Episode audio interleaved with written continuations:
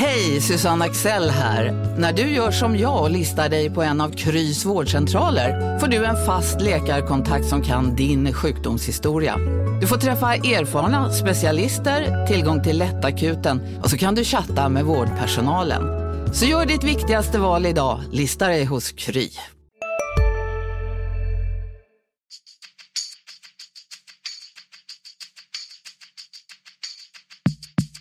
Skönt att komma ut och uh, bara lukta gräset. Så det, är, det är fotboll för mig. Nu är jag här och jag är väldigt glad att uh, kunna spela för det laget som jag har närmast om hjärtat. Om att skapa tro, om att tro på det vi gör, jobba vidare och vi ska vara ute där och ska vi leverera. Och det ska vi ju. Basta. Välkomna tillbaka till MFF-podden. Det här är avsnitt nummer 259. Jag heter Fredrik Hedenskog. Jag har eh, fortfarande digitalt sällskap av Max Wiman och Fredrik Lindstrand. God dag på er. God dag, god dag. God dag, god dag. Ska väl säga att vi har Fredrik med oss direkt från Russia. Mm. Ja, Fredrik är i Sankt Petersburg. Jag och Max är i ett synnerligen höstigt Skåne. Så höstigt så att Max nu har flyttat inomhus. Ja, fast nu solen skiner, ja, det är illa. solen skiner lite nu i alla fall men det regnade väldigt mycket i morse. Uh, hur är vädret i Sankt Petersburg, Fredrik?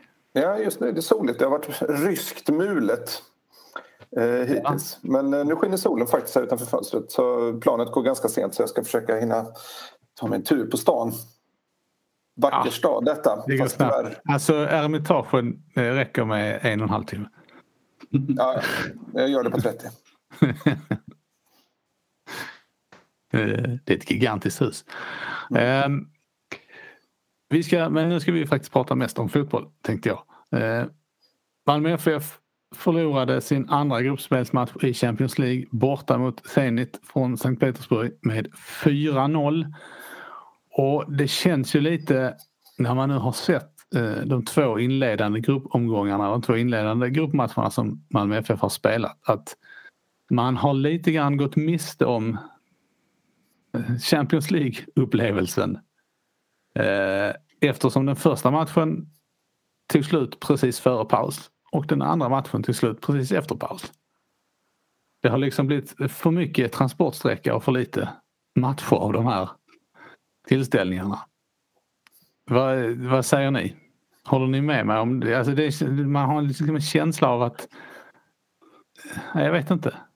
Nej, de har inte levt så länge så att säga. Men jag, jag tyckte att jag, jag, hade bra Champions League-känsla mellan matchminut 10 till eh, ja, vad blev det nu? Målet var i 48 eller 49 då. Där jag, MFF gör, gör väl bland sina bästa, sin bästa halvtimme i Champions League, i alla fall på bortaplan eh, mot Zenit. Eh, de spelar klokt och står upp bra och tittar man på statistiken där Eh, 35 minuter i första halvlek så är det ju lika många, fler vunna dueller och det är mer avslut, mer avslut på mål och bra, passnings, eh, bra passningsstatistik och, och så vidare. Så det, där är, spelar de bra. Jag kan väl bara hålla med om känslan. Det, det, det, det kan låta konstigt när man säger det efter två matcher men jag hade lite känslan inför det här gruppspelet att det skulle bli på det här viset faktiskt. Eh, hur mycket man än räknade kring Sankt Petersburg och där Eh, hör, pratade med någon ja, som har koll om man säger så, det vill säga någon i Malmö FF, så kändes det att man, de var inställda på att Sankt Petersburg eh, faktiskt kanske rent av var bättre än Juventus i nuläget. Nu vet jag inte om man kan säga att de var det men, men att eh, jag vet inte, jag har också sett Anders Christiansens uttalande hos oss i Sydsvenskan eh, som Janne Jönsson var inne på i, i dagens tidning att det verkar nästan lite uppgivet faktiskt. Och det är lite förvånande med tanke på att man, man gör en riktigt bra halvtimme precis som du säger Fredrik. Mm. Ja, alltså om man ska börja där, eh, den mentala aspekten av detta. Det här snacket om, om bonusmatcher och eh, pratet om hur mycket dyrare motståndarnas trupp är och sådär som, som man inte eh, höll igen på eh, inför matchen. Det känns ju lite, jag vet inte. Det känns ju som att man, man eh, förbereder förbereder sin ursäkt så att säga. Mm, men det har varit intressant, framförallt Jon Dahl Tomasson är det ju då, men även Anders Christiansen har ju, har ju eh, sagt eh, hamrat in det här nästan som ett mantra. Det har nästan känts lite repeterat på något sätt för att det, det, det har kommit om och om igen och det, varje ny person som har ställt en fråga om eh, förväntningarna på matchen så har det här mantrat då dykt upp om pengarna. Och, och det, det, var någon rysk journalist efter matchen som kom bort och, och frågade svenska journalisterna om, om, om, det var, om Thomasson menade att det var pengarna som hade avgjort matchen. Han var liksom lite överraskad över hur mycket det trycktes på, på den saken.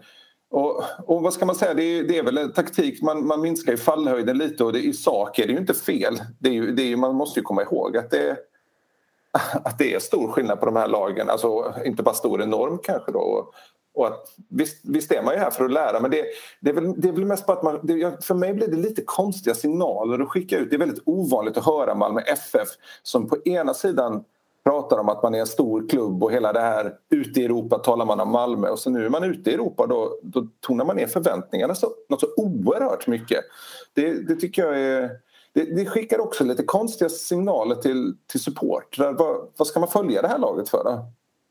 Ja, och det är ju, jag skulle bara säga två saker. Det som, det som är så konstigt är ju att man, eh, att man trycker så hårt på detta inför matchen.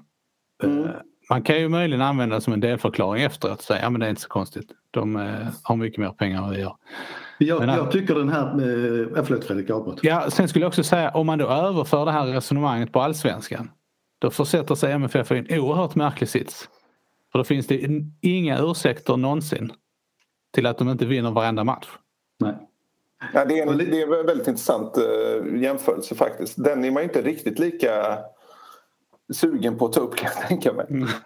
Det var lite det jag skulle komma in på. Jag, jag avskyr resonemanget när, när man hänvisar till pengarna för att då behöver man inte tävla i idrott och då behöver man inte ställa upp i Champions League överhuvudtaget. Malmö FF har väl i så fall besegrat pengarna ett stort antal gånger i Europaspelet de senaste tio åren. Att det sen är en annan sak att, eh, jag tror vi pratade om det i förväg, att en av tio matcher kanske så skulle Malmö kunna ta poäng borta i Sankt Petersburg. Men, men att, eh, att föra resonemanget innan eh, och dessutom kanske, vad ska man säga, lite grann hur man taktiskt ställer upp också. Det här, alltså det, det, jag tycker att man försvarsmässigt, vad ska man säga, men fortfarande bjuder man ju motståndarna på ganska mycket det, det, känns lite riktigt som att man inte har några riktigt vapen mot de här bästa lagen. Jag tyckte att på Juventus var man för offensiv och det var, kan man kanske inte säga här men man var väldigt passiv. Och, eh, ja, jag vet inte, det, det, är någonting som, som skaver lite grann i den här upptakten och att, eh, av, av det här gruppspelet och det, det, kan göra hösten lång och det kan ju påverka allsvenskan också. För inte minst som det du säger Fredrik med att Eh, Eh, resonemanget om, om pengarna har så stor betydelse så, så ju, ska inte Mjällby ha något problem på söndag men det kommer det att bli för så är det idrotten. Mm. Nej, men det, för det, när MFF har gått igenom den här perioden då med sex poäng på sex matcher så då, då har ju pengarna nämnts väldigt få gånger från Tomassons håll. Vi borde kunna, han borde ju i sådana fall kunna fört det resonemanget. Vi ska kunna prestera mycket bättre, vi är så mycket rikare än de här klubbarna. Men ja, som sagt, det gör de ju inte. Nej, det, det, I sak så kan det mycket väl vara rätt att det är, man måste anpassa sig så som MFF har gjort i Europa Leagues gruppspel och vuxit in och blivit bättre på att spela bortaspel och ta poängen. Och så, så att, I sak är det ju rätt, men kontrasten mot hur det var när MFF tog sig an Europa med Åge Hareide det är ju, det är ju enorm. Och ja, det, det, det, det lämnar ju en känsla av att det blev lite avslaget. Liksom. Det blev lite pyspunka på hela Champions League-resan. Liksom. Om inte MFF blåser upp den så vem ska då göra det? Liksom? det... Sen vet jag inte hur mycket laget och klubben har påverkats av alla skador. För det är klart att självklart så är det en extrem motor, oflyt och mm, det kan säkert analyseras jag, bak, vad heter det, djupare med bakomliggande orsaker även om jag har svårt att hitta gemensamma nämnare i det. Men, men det är klart att, att det har påverkat vad ska vi säga, stämningen och förväntningarna i truppen. För det, det, det, det är mänskligt, det kan man inte komma ifrån. Mm. Ja, och jag har en känsla av att ett Malmö FF med Oskar Lewicki på som tar sig an Zenit, kanske framförallt Oskar Lewicki men även Moisander eh, som tar sig an Zenit eh, borta. Man får inte stryk med 4-0, det har jag svårt att se. Eh, och eh, egentligen borde väl kanske gårdagens Malmö FF inte heller ha fått stryk med 4-0. De två sista målen bör man kunna undvika, i alla fall det allra sista målet där Johan Dahlin faktiskt lite lämnas åt sitt öde där. Det tyckte jag...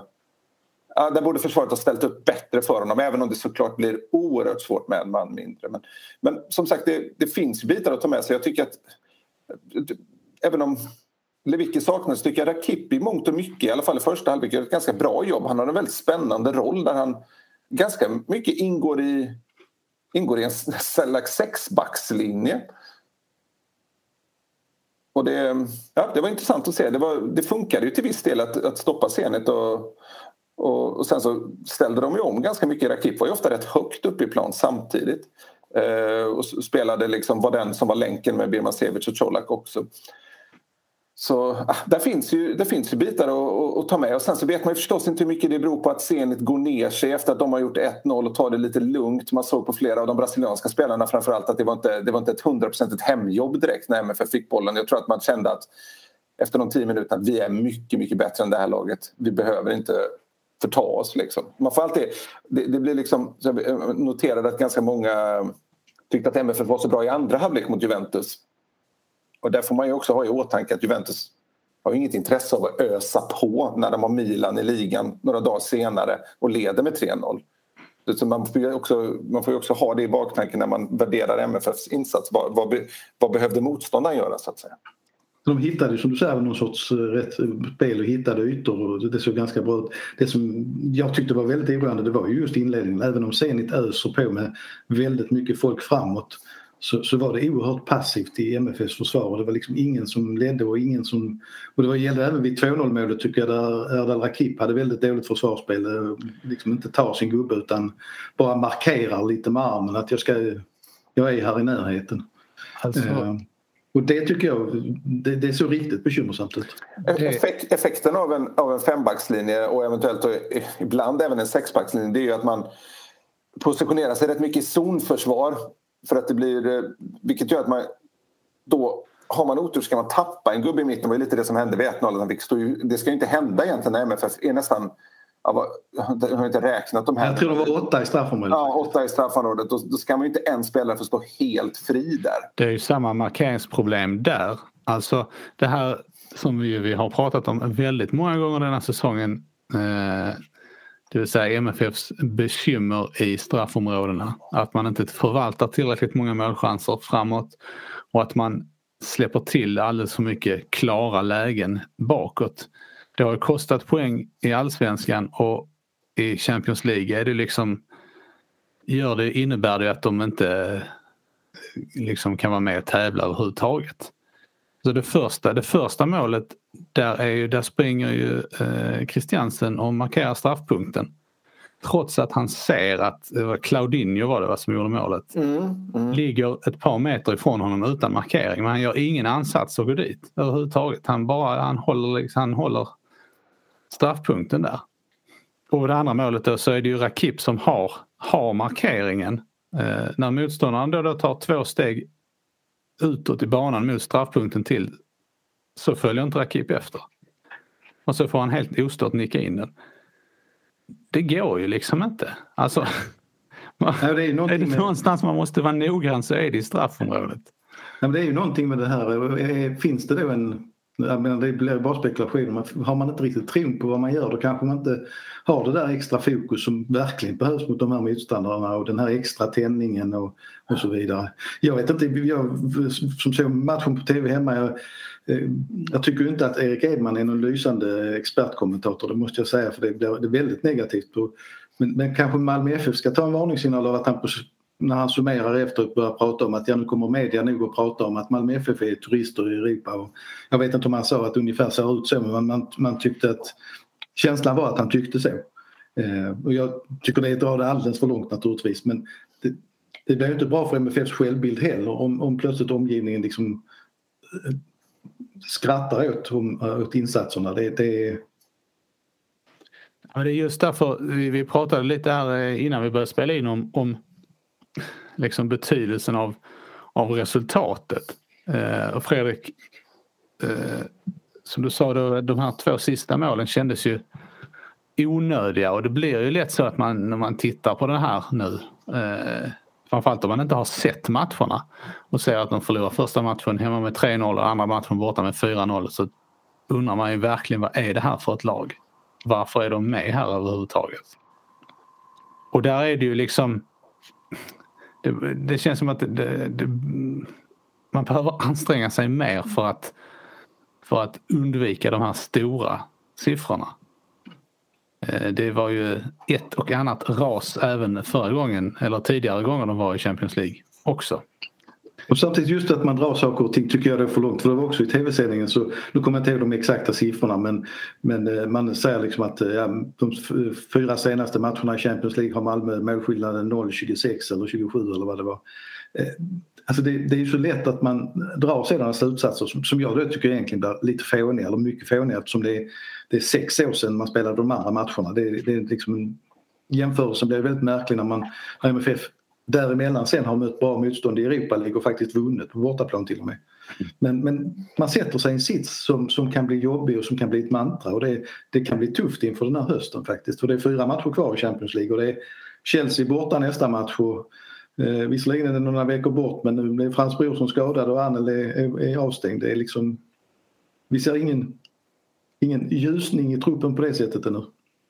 Och sen eh, så åkte ju Chelsea på däng mot Juventus 1-0. Eh, jag har inte sett matchen, det har inte hunnit eh, på grund av arbetsbördan men jag tittar bara igenom statistiken och där känns det som att Chelsea var Eh, klart bättre än vad Juventus var och det var väl, jag ska inte säga att det var ett rån, så kan jag inte säga när jag sett matchen men det, det säger ändå jo, det kan du säga. Ja, okay, men det säger ändå någonting om Chelseas styrka och det faktum att eh, de kommer till det här dubbelmötet med MFF nu. Eh, först hemma i London och sen borta i Malmö då, med, med sex poäng som enda, enda godkända utfall. Liksom. Så, så att det, det kommer bli enormt tufft för Malmö. Uh.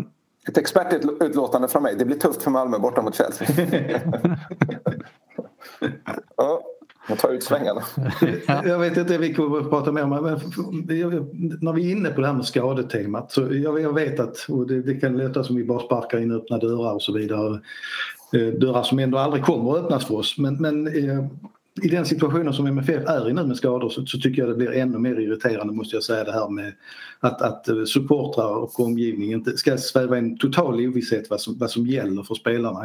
Jag vet att redan före förra landslagsuppehållet så uttrycktes det förhoppningar om att Moisander och Lewicki skulle vara tillbaka. Och, eh, nu ser vi att Moisander inte ens är ute på planen och Lewicki är ute och springer i och för sig rätt så hårt men alltså på något sätt så släpp det här nu, berätta så här är läget i klubben, det här är, det, det här är de problem spelarna har, det här är det vi förväntar oss kan, kan ske framöver.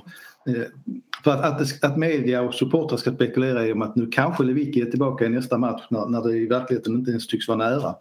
Eh, jag, jag, jag, vet inte, jag tycker inte det, det är schysst mot, mot de som, som, och då menar jag inte oss utan de som är, följer Malmö FF och lägger stora pengar på att, att följa laget faktiskt. Mm. Väldigt många följer Malmö FF via media också oavsett om det finns det här MFF Premium, premium eller inte.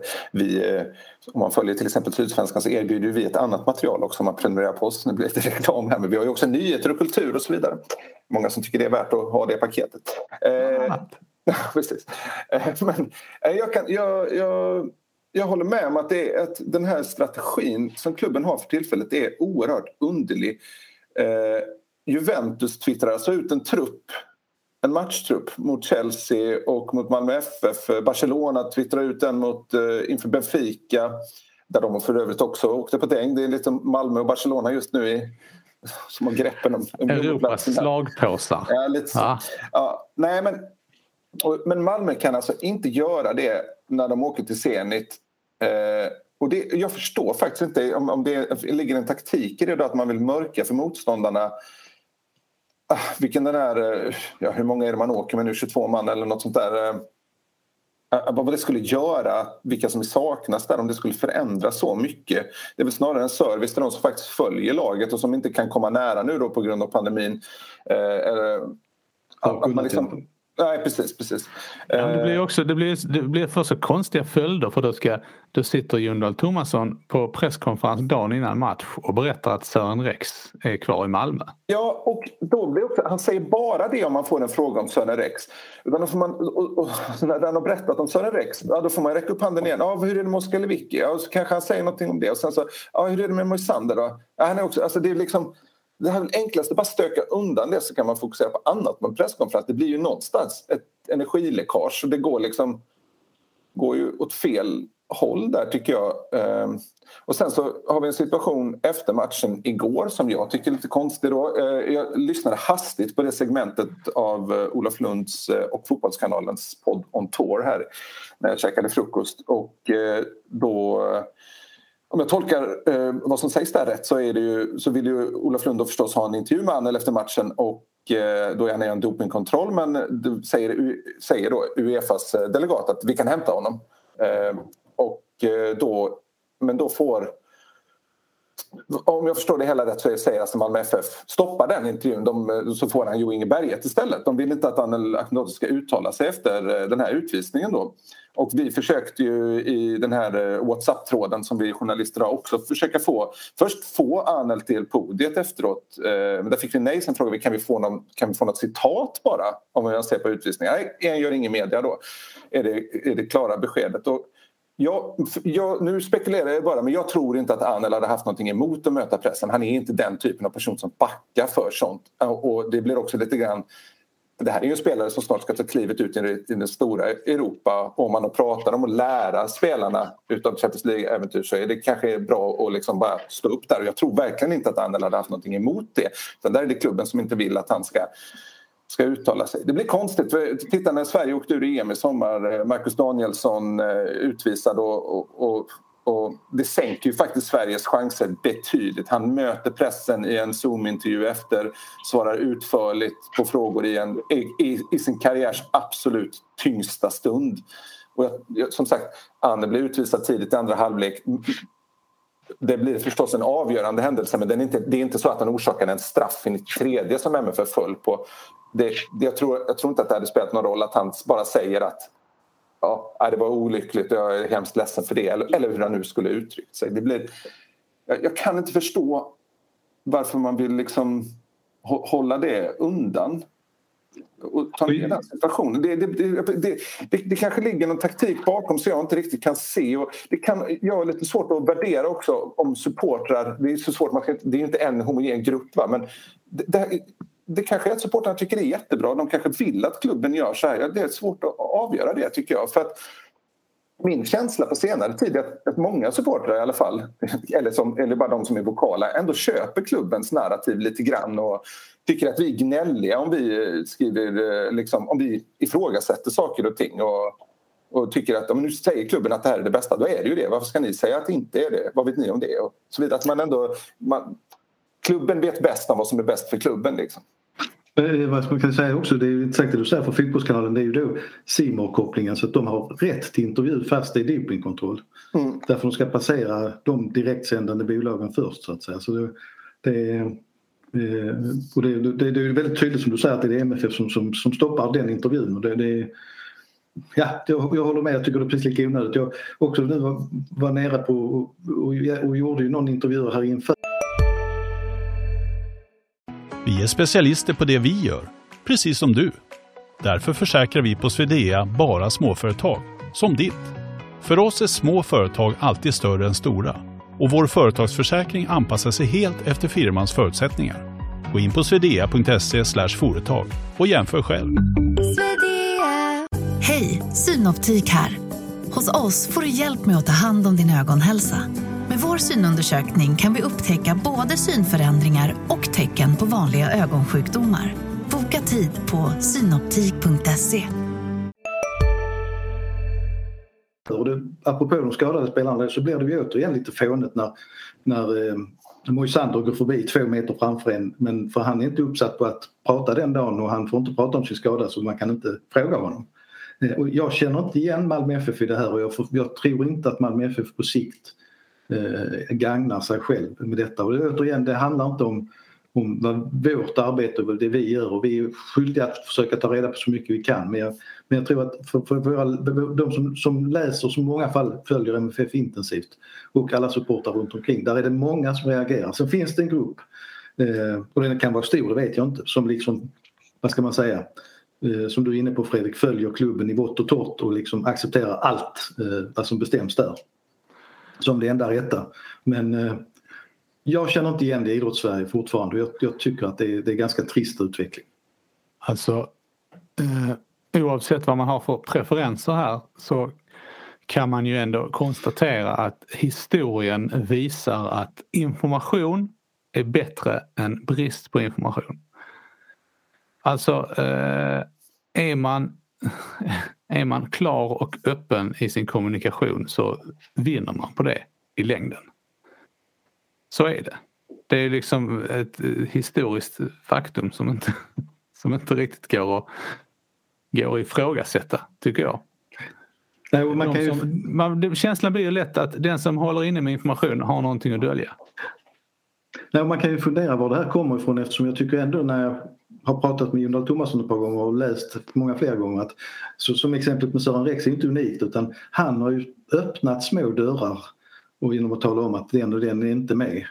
Eh, så ibland känns det som att han vill säga mer och då vet jag inte riktigt var det här finns i klubben, varför, varför det här har blivit så viktigt. Och det är inte GDPR som är grunden, det är, så är det ju bara.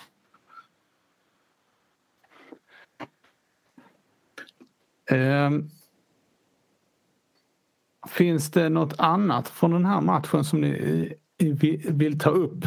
Jag tänker på, mer, kanske mer på individuella insatser.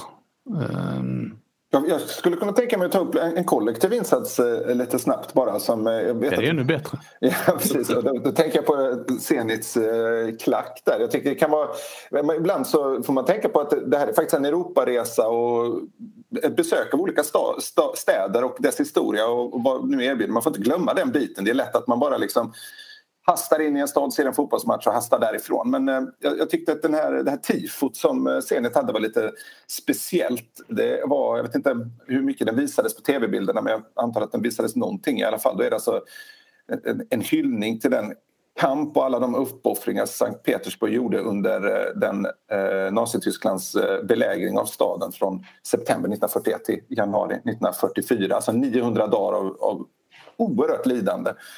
Eh, och eh, det är alltså en, en bild från beläg, eller en bild, en, en målning, overheadmålning på vänstra sidan från belägringen och så i mitten är det en orkesterledare och sen på högra sidan så är det det här en mamma som pussar sin son som har en skateboard och det är, man ser Isakskatedralen i bakgrunden och så. Eh, att eh, det där det fria Ryssland som man kämpade för som nu är här och eh, till detta spelas en eh, spelar en orkester alltså, som har tagit plats i klacken och, eh, med fioler och blås och allt möjligt spelar låten Orchestra från 2015 av den ryska populära rockgruppen Spleen. Eh, det är någon slags hyllning då till den här, den här kampen. Ja, ganska intressant. Det var liksom, det, det, blev någon slags ändå lite historiens vingslag kan jag känna och kontrasterna i det hela. Att den här stan har ju, den är så oerhört rik på historia.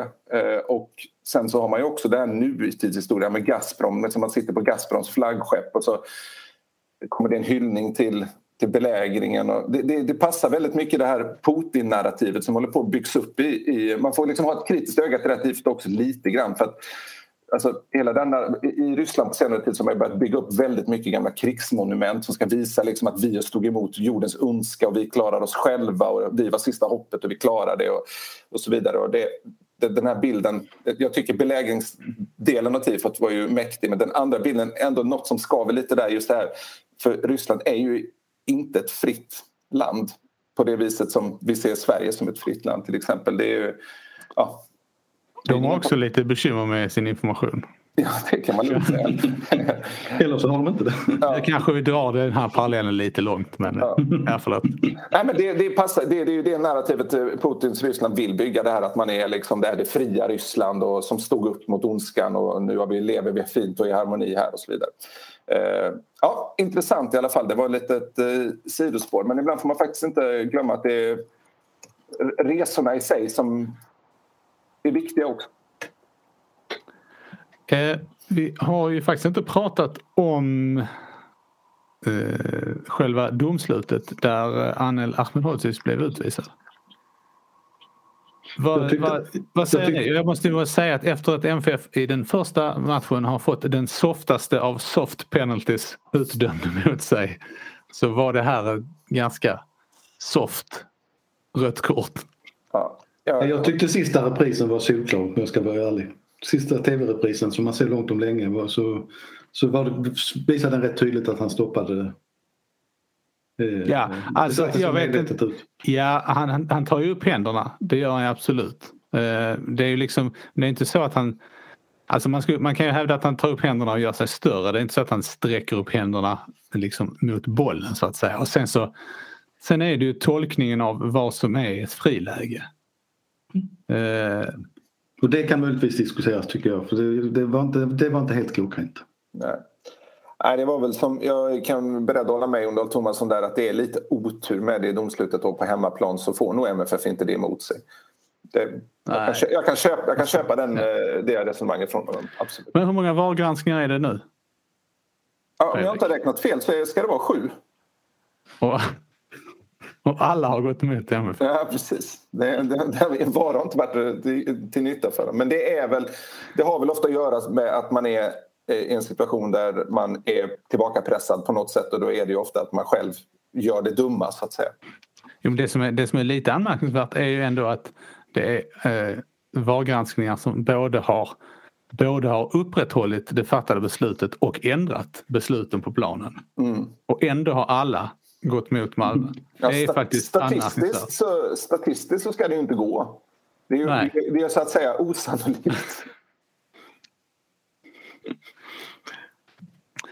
Ja, men det, gör, det, det, är ju, det blir ju liksom i förlängningen, eh, det vill jag klargöra väldigt tydligt att eh, motståndarlaget var betydligt bättre i båda fallen. Men det är ju de här två domsluten har ju ändå bidragit till just det här som jag sa i början. Det vill säga att det känns som att de här matcherna aldrig blev liksom det aldrig blev några matcher av det. Utan att det blev, andra halvlek har blivit en transportsträcka i två, två matcher i följd.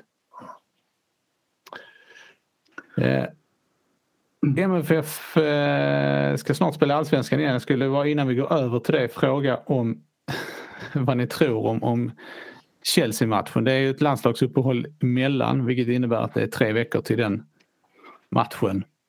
Eh, ger det här, ger det här, liksom här lite extra, eller landslagsuppehållet i MFF någon sorts respit?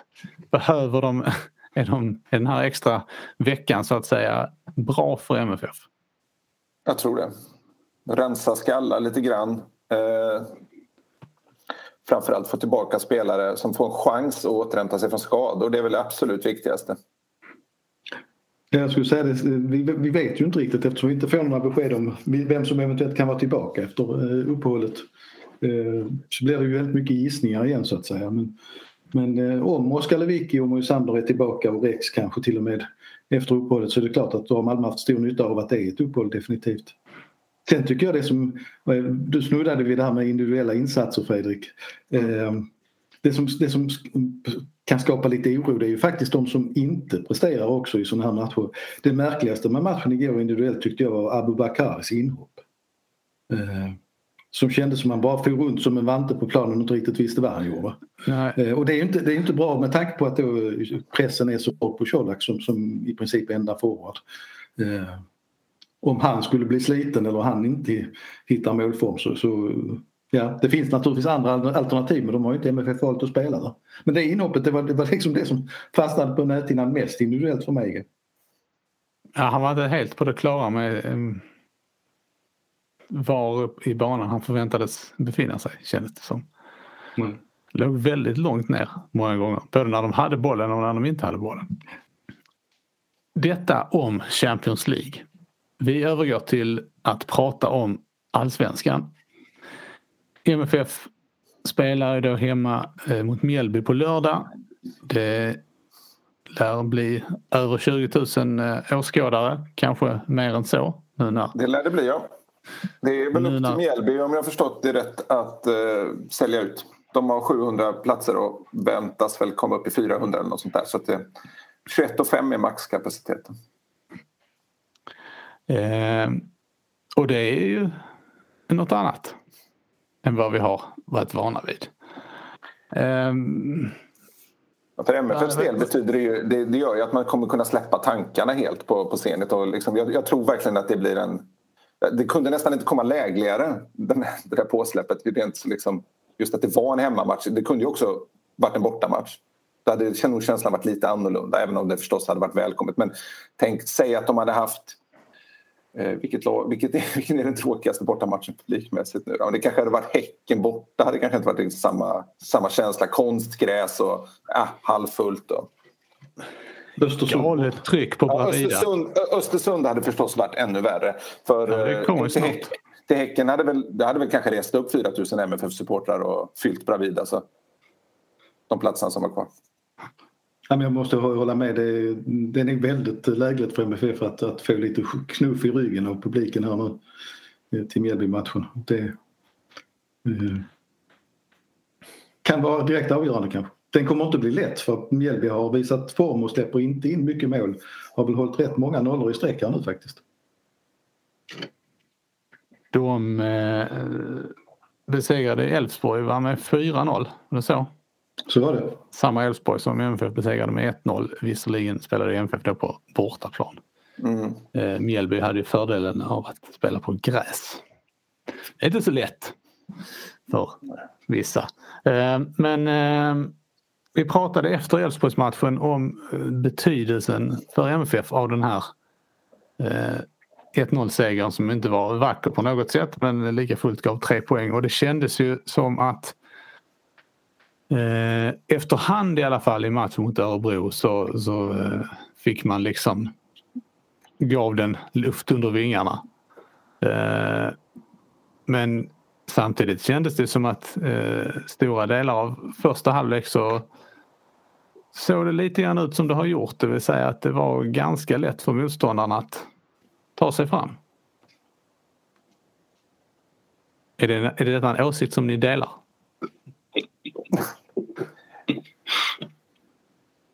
Det är ingen som vill säga något.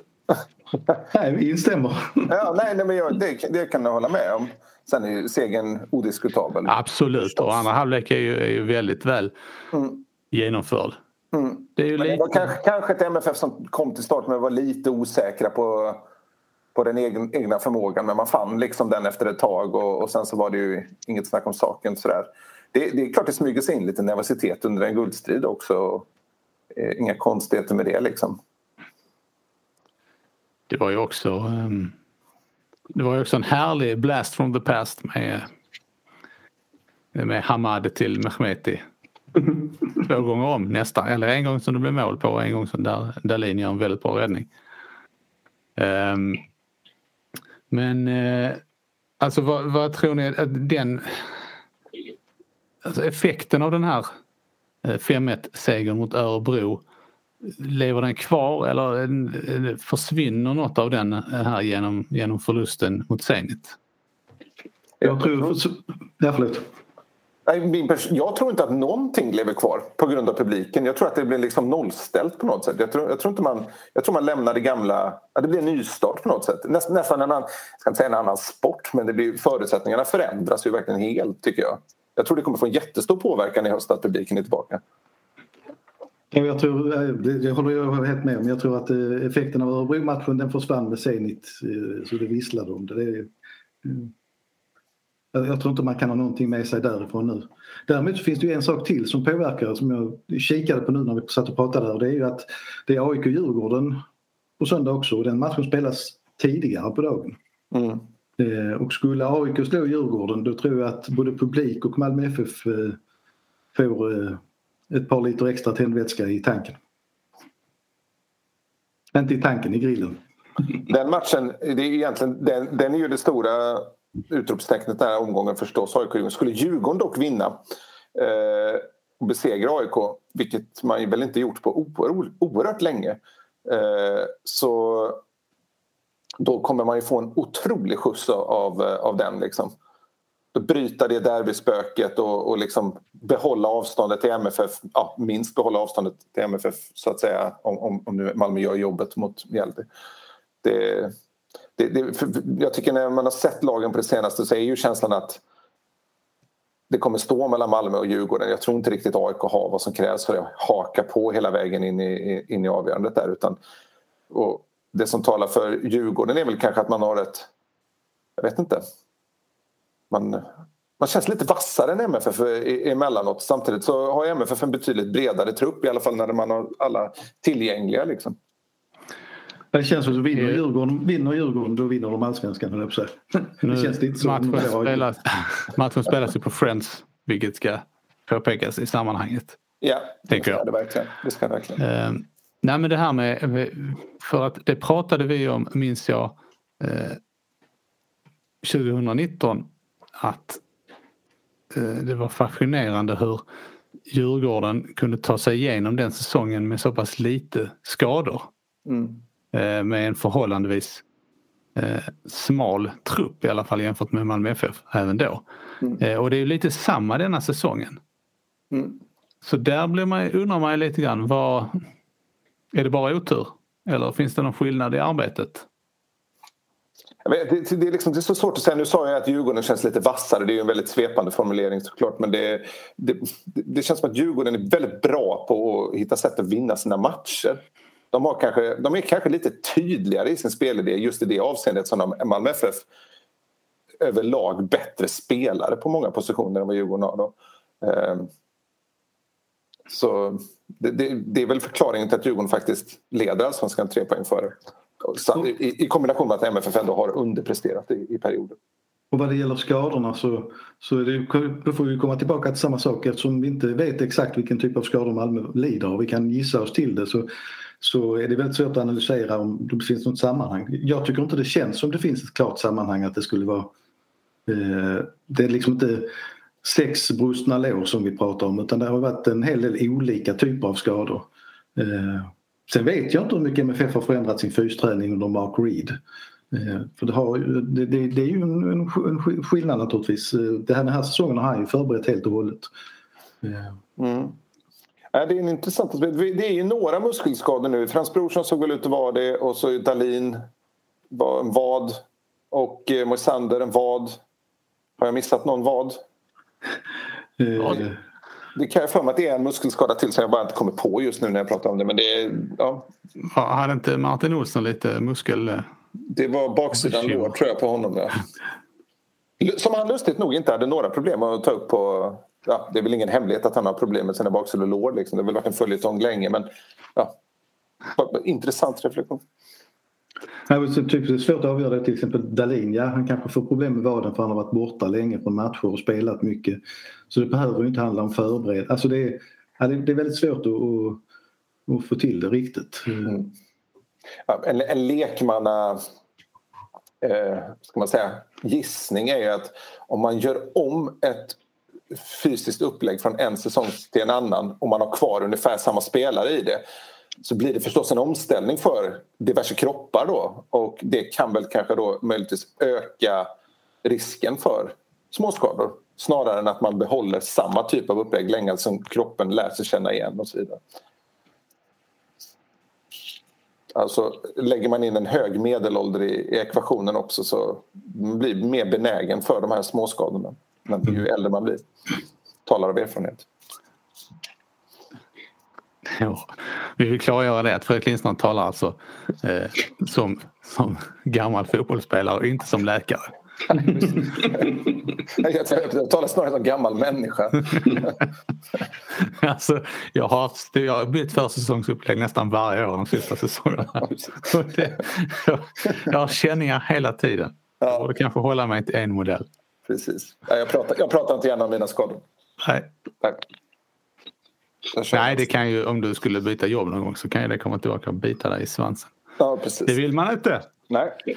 Men vi kan ju konstatera, jag sitter bara och tänker på det här när vi pratar om detta, att Mjällby-matchen, eftersom det blev landslagsuppehåll direkt efter den, eh, den blir ju extremt viktig för Malmö att vinna oavsett hur det går mellan AIK och Djurgården. Alltså för att det är inte, alltså gå in i ett uppehåll här och ge sig iväg och så ha, ha tung start i Champions League och tappat lite kontakt med Djurgården. Det skulle kunna vara sex poäng mot dem ju. Det, det, det, det skulle kunna göra hösten väldigt tuff så att eh, eh matchen på söndag är väldigt, väldigt viktig för Malmö FF. Mm. Ja men de har ju satt sig i ett läge där alla, alla matcher är väldigt, väldigt viktiga. Alltså de här, de, den här fyra matchers sträckan som vi pratade om. Där klarar de ju av eh, Örebro, det är lätt utan problem. Men det är ju, fort, det är ju då Mjällby, Östersund och Varberg. Och de, alltså, de måste ju vinna de matcherna. Ja. Mm, högst Eh, troligt. Ja, alltså om man, ska åter, om man ska återskapa någon form av marginal någonstans under den här slutspurten så kan man inte så går det inte riktigt att lägga poäng här. Utan de, de marginalerna måste man ju se till att ha i, i november i så fall. Mm. Det man, om man nu ska vara lite försiktigare i resonemanget så kan man väl konstatera att läget för att MFF att nå Europaspel nästa år har väl förbättrats lite grann den senaste tiden med tanke på att Elfsborg har kollapsat totalt och liksom känns som man kan räkna bort. Och, eh, så att, att topp tre är ju... Eh, det finns ju väldigt goda möjligheter att Malmö är där när det är över om vi säger så. Mm. Ja, det skulle vara oerhört överraskande om man missar. Ja, hörni. Ehm, vi får väl eh, återkomma här. Eh, det blir väl efter Mjällby-matchen eh, någon gång i nästa vecka alltså. Det känns som att vi behöver då summera eh, det vi har tagit in från publikens, den storskaliga publikens återkomst. Ehm, Mm. och också kanske ta lite, lite grepp på allsvenskan och de nio omgångar är det va? Som kommer återstå då. Åtta. Eller åtta, förlåt det är nio nu. Just det. Just det. Så att eh, vi gör så. Det låter bra. Jag måste checka ut från hotellet nu. Ja, det, ja, det är inte roligt. Det här har varit avsnitt nummer 259 av MFF-podden där vi anser att konstgräs ska förbjudas i svensk elitfotboll. Jag heter Fredrik Hedenskog, jag har haft sällskap av Max Wiman och Fredrik Lindstrand och ansvarig utgivare är Jonas Kanje. Tack för oss, hej hej! Hej hej! Hej!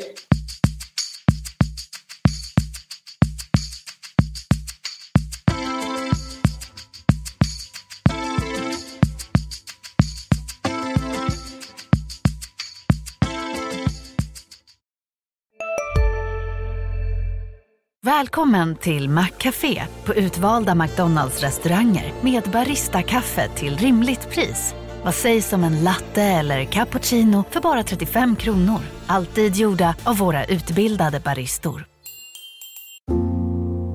ska några små tassar flytta in hos dig. Hos Trygg Hansa får din valp eller kattunge 25% rabatt på försäkringen första året. Läs mer och teckna djurförsäkringen på trygghansa.se. Trygg Hansa, trygghet för livet.